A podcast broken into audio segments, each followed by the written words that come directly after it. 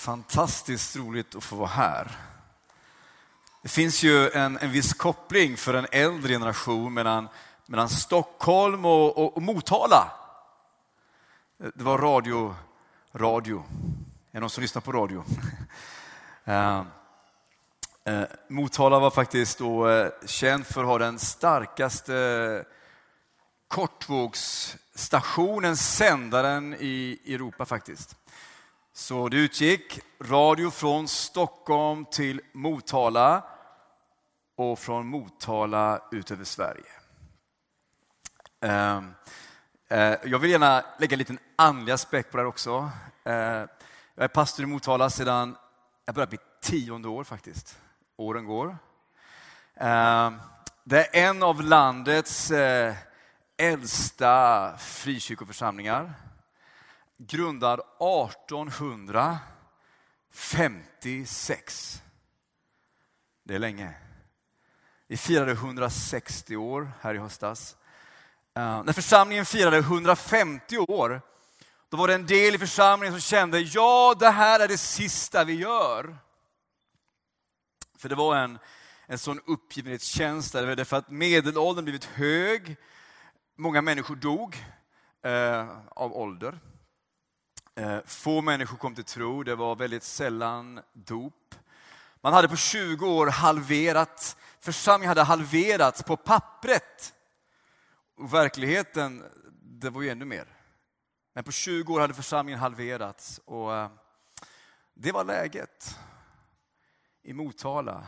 Eh, det som har hänt de, de senaste åren är någonting som jag inte kan greppa, vi inte kan greppa, det är ingenting som vi har skapat. Det handlar inte om strategier och modeller, utan Guds nåd. Gud i sin nåd frälser människor. Så jag kommer här i predikan idag, jag kommer, det blir en del berättelser. Eh, mitt, mitt fokus är idag att Gud, Gud älskar. Eh, är du här och inte van vid kyrka, så tror jag att Gud har faktiskt lett dig hit idag, därför att han vill säga till dig att han älskar dig. Eh, jag ska prika utifrån en berättelse i evangelierna om där Jesus kallar lärjungar. Och Gud söker människor, Gud förbarmar sig och Gud frälser. Det betyder räddar, han upprättar. Det är fokus i min, i min förkunnelse idag. I eftermiddag efter lunch, runt två, så ska jag ha två seminarium eh, med enkla titlar. Hur blir en människa frälst? Det vill säga, hur blir en människa kristen? Vad är det som gör att en människa blir kristen? Och det andra i seminariet blir att samarbeta med den helige Ande. Eh, och jag kan avslöja att strategin är helig ande. Det är strategin. Jag fick ett sms förra veckan. Det löd så här. Tiden är kommen att följa Jesus dop. Yes! Det var Dennis som skrev. Dennis, eh, 57 år. Han, han, kom till eh, gudstjänst första gången i vår kyrka i mars förra året. Eh, han följde med en, en före detta arbetskamrat. Han sitter uppe på läktaren. Dennis hade de senaste åren, det varit ganska trassligt i hans liv, mycket av missbruk och han hade lidit av eh, folkfobi, så knappt gått utanför lägenheten på sex år. Eh, men, men Guds ande hade börjat dra i denne Dennis som var ateist. Men som via AA-program på något sätt kommit i kontakt lite med, med andlighet. Så han följer med Jens, stabil 50-åring, bedjare. Han följer med Jens till kyrkan och sitter på läktaren. Jag ser honom. Nästa gudstjänst är ungefär kanske två veckor senare. Han sitter på läktaren igen.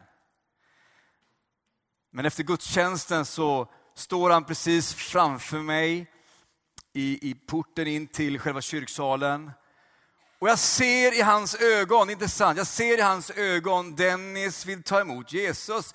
Jag visste ingenting mer om Dennis än att han hette Dennis och att han också faktiskt var granne med en av våra bedjare. som hade börjat be för honom, hade bett för honom i sex år. Så den här gudstjänsten, sin andra gudstjänst någonsin i en frikyrka, så tar Dennis emot Jesus. Det här är en av många berättelser. Om du går förbi vår kyrka i, i Motala, längs Storgatan, så har vi en, en stor, förut hade vi en stor eh, banderoll i mitt kontorsfönster där det står Det finns hopp. Gudstjänst varje söndag klockan 10.30. Nu har vi en, en fin infoskärm där det blinkar till Det finns hopp. Och Det här är vad vi vill sända ut till människor i Motala. Och de senaste åren, sen jag kom som pastor till Motala, så man ska inte överdriva siffror. Jag har svårt med det här. Men jag överdriver inte om jag säger att, att jag bett kanske ungefär med 250 människor. Med all möjlig bakgrund som har eh, tagit emot Guds rike. Eh, alltså människor som har gått från, inte gått, tagits från mörkrets välde in i hans sons älskade rike. Det, det här uppdraget, det här är uppdraget för, för Motala baptistförsamling och det här är uppdraget för Citykyrkans församling i Stockholm. Gud har rest upp eh, sin församling. Gud har rest upp sin församling på den här platsen. Eh, Citykyrkan finns därför att ni ska komma med, med Guds rike till människor. På samma sätt som Jesus kom med Guds rike.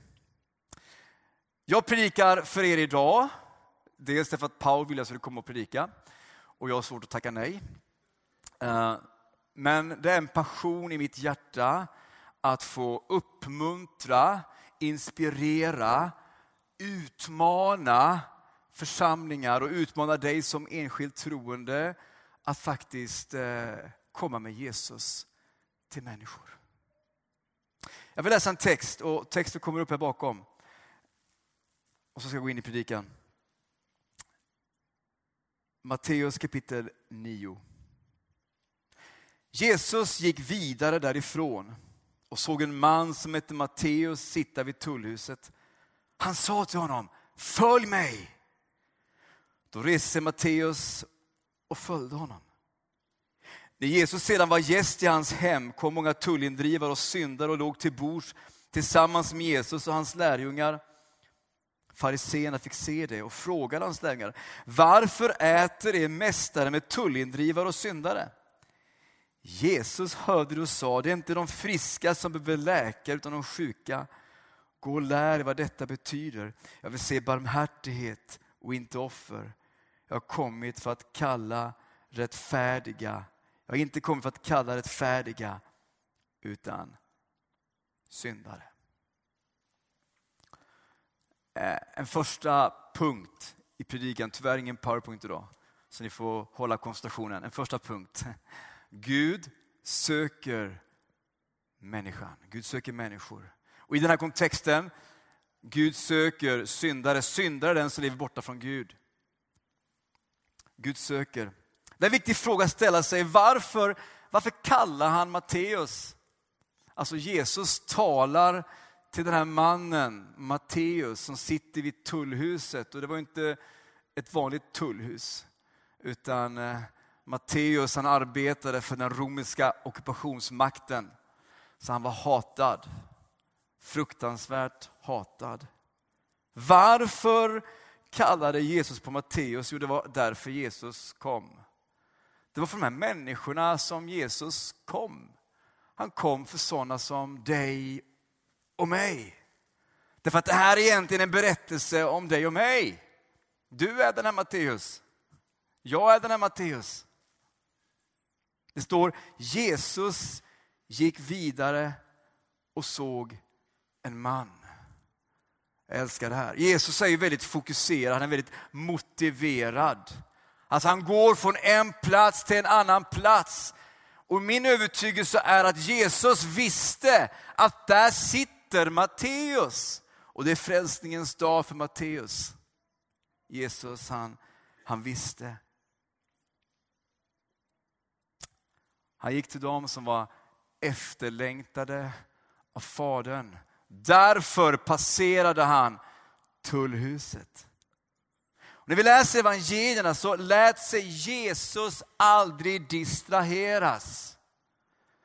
Så att han tappade fokus från det som var Faderns vilja. För Jesus gjorde alltid det som Fadern visade på. Han var hela tiden i det som Fadern visade på. Och Jesus var sänd för de förlorade. Därför kom han.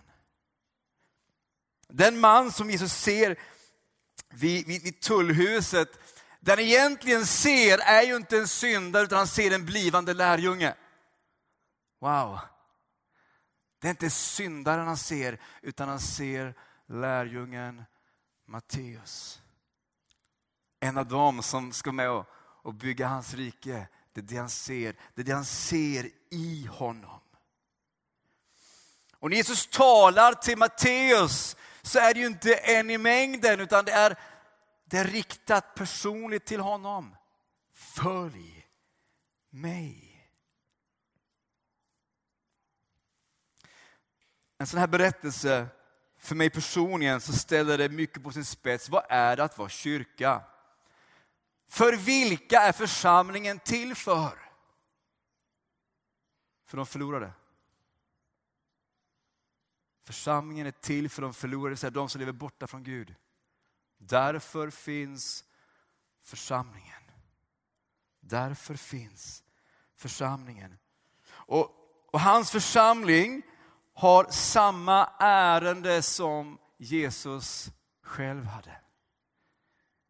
Det sista Jesus säger till sina lärjungar är i Johannes evangeliet som Fadern har sänt mig, sänder jag er. Jag nämnde i början här att vår församling är 160 år. Det är, det är lång tid. Vad sa du? Eh, ja, precis. Dubbelt så gammal som sitter i kyrkan. Du vet, det som ger vår församling ett existensberättigande, det är att vi är i Faderns vilja. Det ger församlingen ett existensberättigande. Det är där vi har vår auktoritet i det som är Faderns vilja. Och fokus för Fadern, där de förlorade. De ska hem till pappa. De ska hem till pappa. Jesus kallar människor där de befinner sig. Det lägger jag märke till i texten.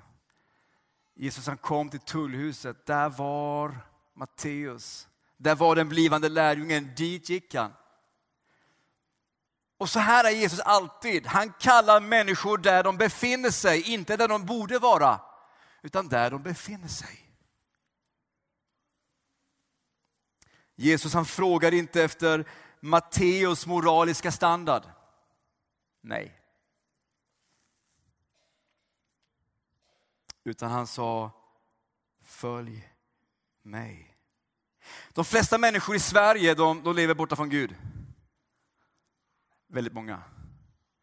Eh, en av våra nya, vår kyrka, hon har eh, bakgrund ifrån eh, Mexiko. Eh, bakgrund i historisk kyrka, men möter Jesus personligt. Hon berättar för mig, jag är chockad i Sverige, säger hon. Därför att jag, liksom, jag föddes ju med Bibeln under armen. Och det är inte situationen i Sverige precis. Men det intressanta, det vi ser i Motala, att människor som inte vet någonting,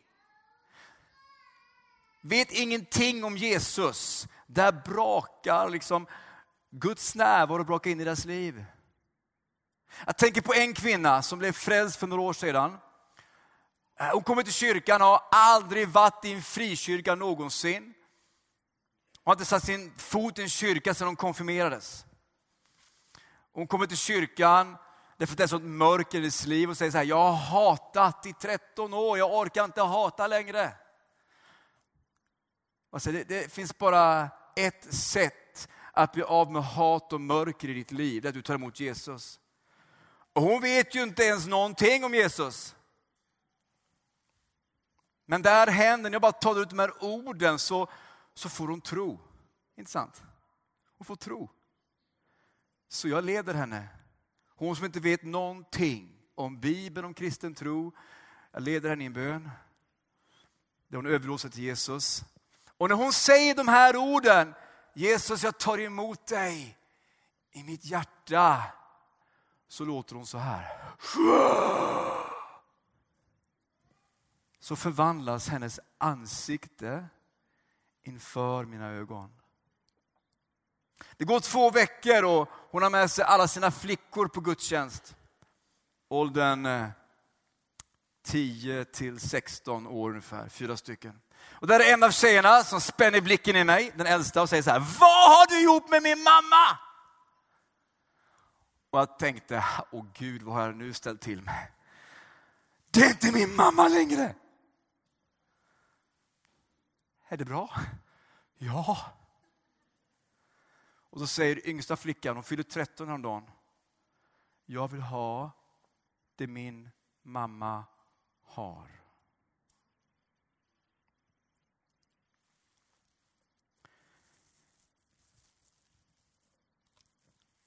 För cirka två månader sedan får jag ett, eh, ett meddelande på Messenger. Det är en ung muslim som skriver till mig. Kan jag få prata med dig? Vi bestämmer träff, han kommer till kyrkan. Jag känner igen honom, han har varit på ett av våra encounters, ett av ungdomsmötena. Och han berättar att han har brottats med vad är sant i tre månader. Vad är sant? Islam, kristen tro. När jag träffar den unge man, Esmat, han döptes för en vecka sedan så jag kan säga hans namn, Esmat. Så ser jag hos honom, det är frälsning här. Och jag förklarar evangeliet för honom, jag förklarar vad det innebär att Jesus dog på korset för våra synder. Så säger han bara så här, jag tror, jag tror att det är sant.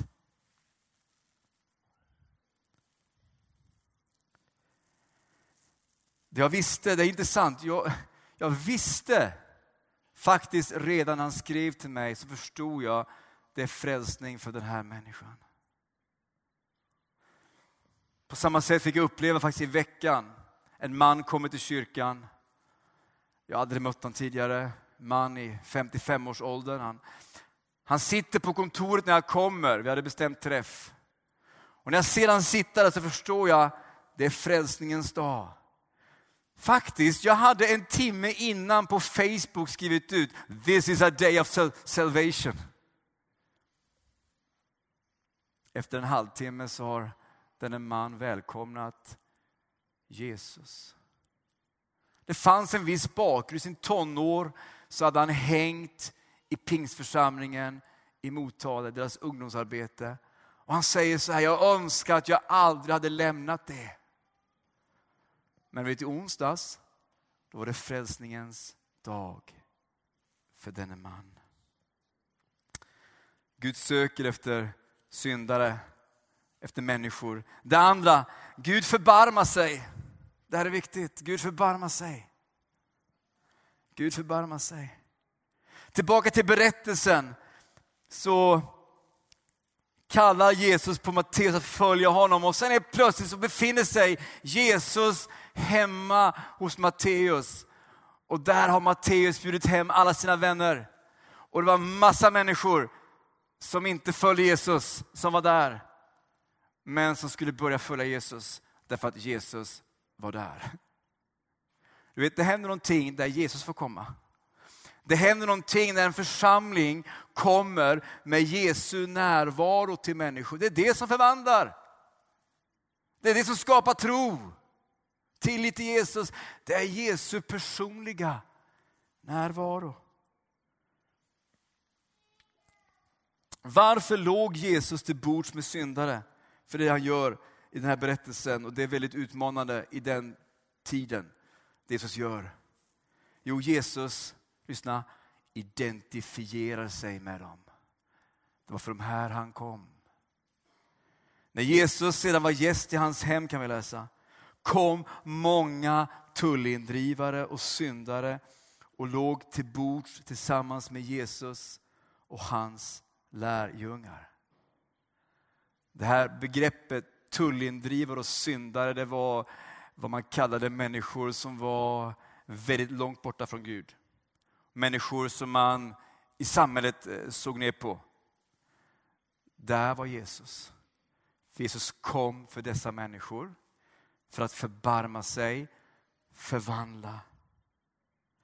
Jesus var ju radikalt annorlunda. Han stack ut i den här gemenskapen, eller hur? Jesus, Guds son.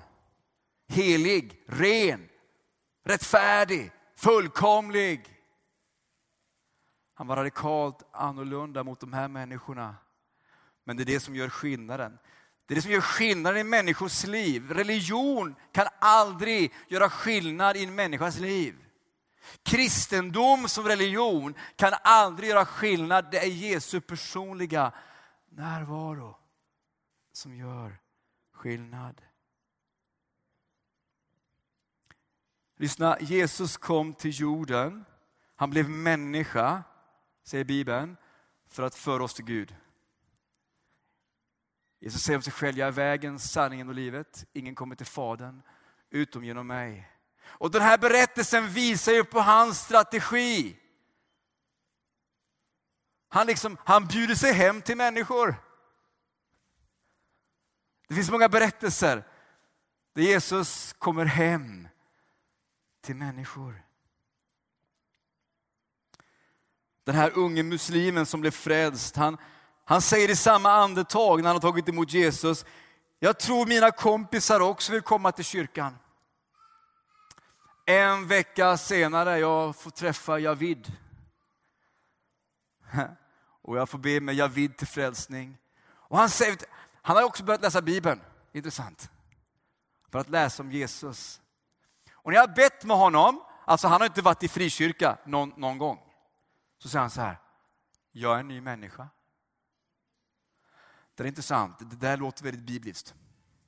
Det låter väldigt bibliskt. Den som är i Kristus är en ny skapelse. Det gamla är förbi, något nytt har kommit. Det Jesus gör hemma hos Matteus är att han, han bjuder in dem.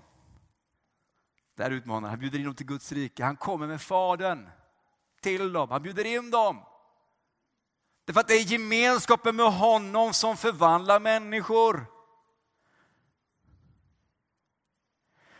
För en del år sedan när vi började se mycket av omvändelser så började man kalla vår kyrka för kyrkan för losers. Och jag förstod att det var, det faktiskt var en del kristna som kallade det kyrkan för losers. Man, man talade lite illa om vår församling. Och jag kände yes!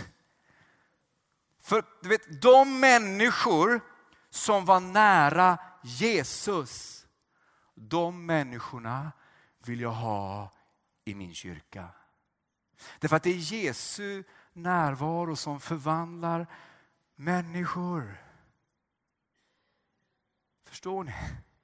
Det är Jesu närvaro. När Jesus kallar oss att följa honom så frågar han inte efter en moralisk standard eller om vi kan Bibeln. Utan han säger, följ mig. Följ mig. Du vet, Guds rike det överensstämmer med Guds karaktär. Guds rike uppenbarar vem Fadern är. Och när en människa välkomnar Guds rike, då börjar förvandling. Jag satt och fikade i veckan med en man faktiskt. Han, han flyttade från Stockholm för fyra år sedan. när han bodde i Stockholm så var han new ageare. Och han hatade kristendom. Han hatade kyrka. Men det fanns en kyrka han tyckte om. Det var Citykyrkan ert sociala arbete. Kanske någon här, jag säger hans namn, Christer Almgren. Ni som jobbat med socialt utsatta människor i församlingen har säkert stött på Christer. Han blev frälst för fyra år sedan i Södermalmskyrkan här, radikalt, babong. Så kom han till Motala och nu går han och hans fru med i vår församling om några veckor. Det här är en man som är transformerad av, av Jesu närvaro. För det är så Jesus gör. Det som också händer i berättelsen, du vet det som händer hemma hos Matteus, att där börjar kyrka. Hänger ni med? För att, att, att föra Jesus, det är det som är kyrka. Så där formar han lärjungar av dessa som de religiösa såg ner på. Där börjar han forma, han formar framtidens församling bland dessa människor. Därför det är hans närvaro som vandlar.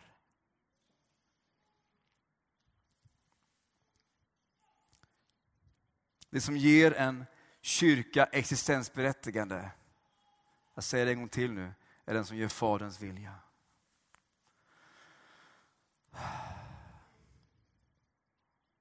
Jag vill vara i det. Vill ni som kyrka vara i det? Vill du personligen vara i det?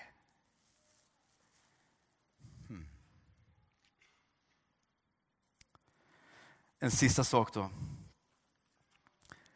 I berättelsen. Gud frälser människor. Alltså frälsning, eh, det betyder Gud räddar. Jesus betyder Gud räddar, Gud frälser. I frälsning ligger att göra det som är trasigt till helt. Och det, det Jesus ser hos den här mannen som sitter vid tullhuset är en människa som han vill förvandla, frälsa. I berättelsen så finns det ett problem.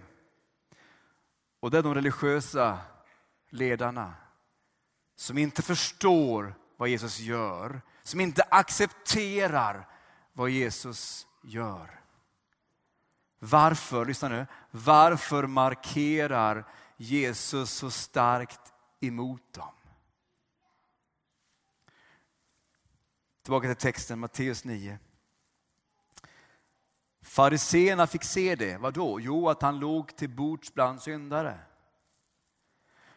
Och de frågar hans lärjungar, varför äter er mästare med tullindrivare och syndare? Det här var ju chock för dem, eller hur?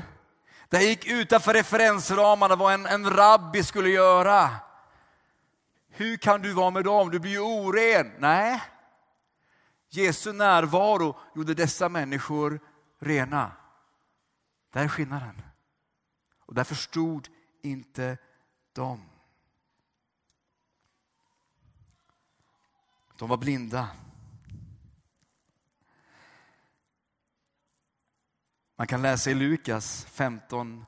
Alla tullindrivare och syndare höll sig nära Jesus för att höra honom. Men, det skrift, men, men, men farisén och det skriftlärda kritiserade honom ständigt och sa, den där mannen tar emot syndare och äter med dem. Varför markerar Jesus så starkt i berättelsen mot dem? Och det är för att de inte är i Faderns vilja. För Faderns vilja är att upprätta frälsa det som är trasigt. För några år sedan när det började hända mycket saker och vi, vi, vi har sett Gud göra mycket, mycket av mirakler, mycket av, av upprättelser. Så fick den helige ande fick, fick lära mig och tillrättavisa mig hur jag såg på människor. Därför att vi kan inte älska människor om vi inte ser med människor som Jesus ser. Hänger ni med? Vi som kyrka vi kan inte tala om Guds kärlek om inte vi älskar dem med Faderns kärlek.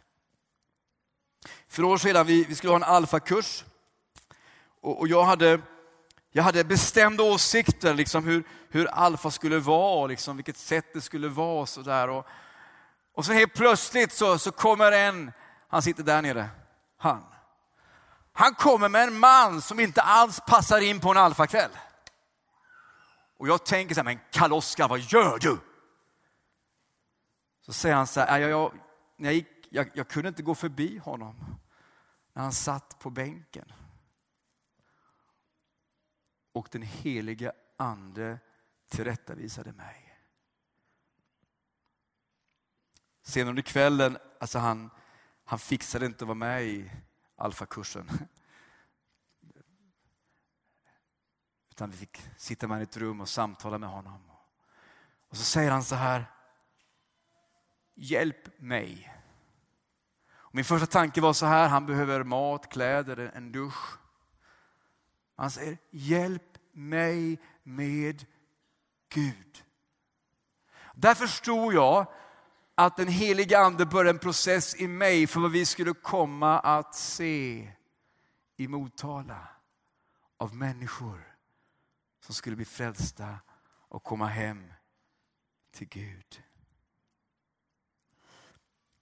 Varför markerar Jesus så mot de religiösa i berättelsen? Jo, Jesus är alltid i rörelse för att söka de förlorade. Och vill vi vara med i det som Jesus gör måste vi följa honom dit han går. Det allvarliga i berättelsen är att de här religiösa de hindrade människor från att ta emot Guds rike. Men det var för de här som Jesus kom. Han säger så här, det är inte de friska som behöver läkare utan det sjuka. Hos Jesus så märker man att ingenting får stå i vägen för en människa att ta emot Fadern. Ingenting. Och det här är en utmaning också till oss. Jag vet ingenting om er församling direkt. Men ingenting av något som är tradition i Citykyrkan, tradition som inte är av Gud, får stå i vägen för människor att komma till Jesus och få sina liv förvandlade av honom.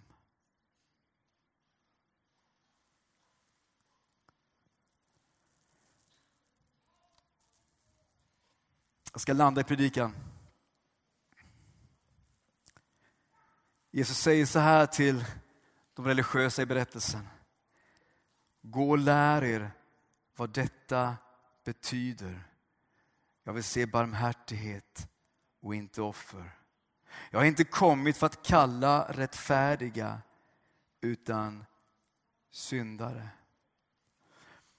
Jesus är mycket, mycket allvarlig till de här människorna som egentligen skulle jubla över att Jesus var ibland dem. Men de var blinda därför att deras hjärtan var hårda. De behövde omvändelse. Dessa religiösa behövde omvändelse i sina liv. Från att stå utanför det som Fadern gjorde. Vi får inte stå utanför det som Jesus gör. Ni som församling får inte stå utanför det som Jesus gör. Det finns en teolog som har skrivit en mycket bra sak. Han säger så här. Det är till städerna och byarna ärendet bär. Det är riket som ska förkunnas och såren som ska helas. Det är vårt medlidande som visar om vi äger en personlig relation till medlidandets Jesus.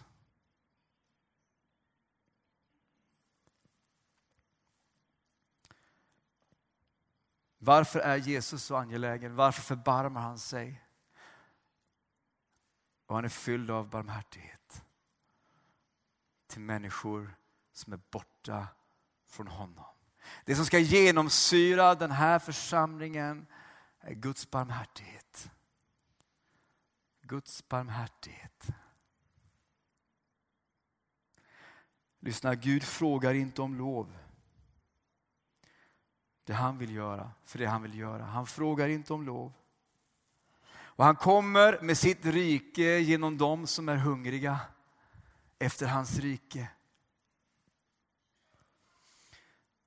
Det handlar inte om er. Det handlar om staden. Det handlar om människor som är borta från Gud, som han längtar efter. Vill ni vara i det? Vill ni vara i det? Det är min utmaning idag.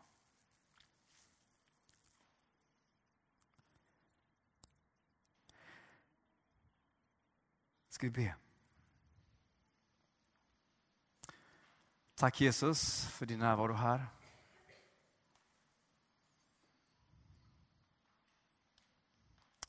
Tack Jesus för att du älskar. Och jag ber för den människa som är här. Som du idag, Herre, längtar efter. Tack att du är en Gud som frälser. Du är en Gud som förlåter synder. Du är en Gud som utplånar skuld. Och jag ber för den som har kommit hit idag tyngd. Tack att du är här för att ge frihet. Jag ber också för den som finns här och varit med i många år i kyrka. Men idag har känt ett, ett, att du har talat, det måste ske en förändring i mitt liv. Jag måste älska människor. Jag ber Herre för den som känner Jesus, jag behöver mer av dig. Mer av din kärlek. Jesu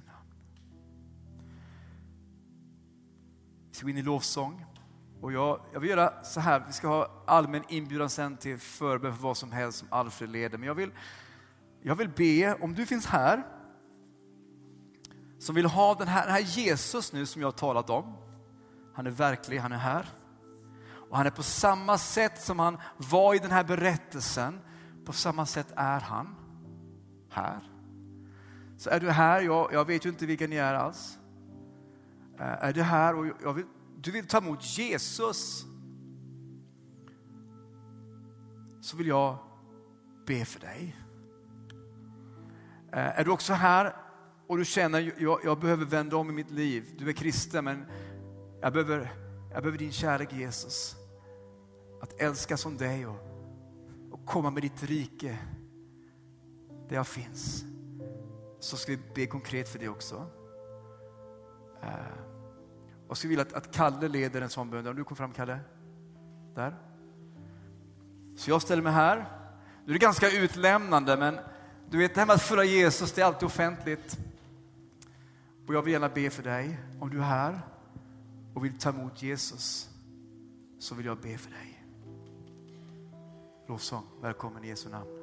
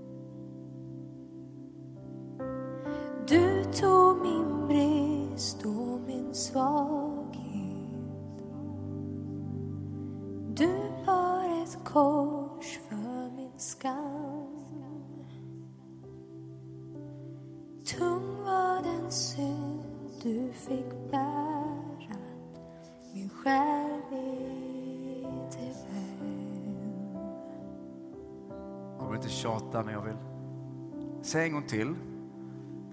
Om du är här och vill ta emot Jesus, få dina synder förlåtna, vill jag be för dig. Och är du kristen och du behöver mer av kärlek i ditt liv från Jesus, så ber Karl-Oskar borta för dig. I Jesu namn.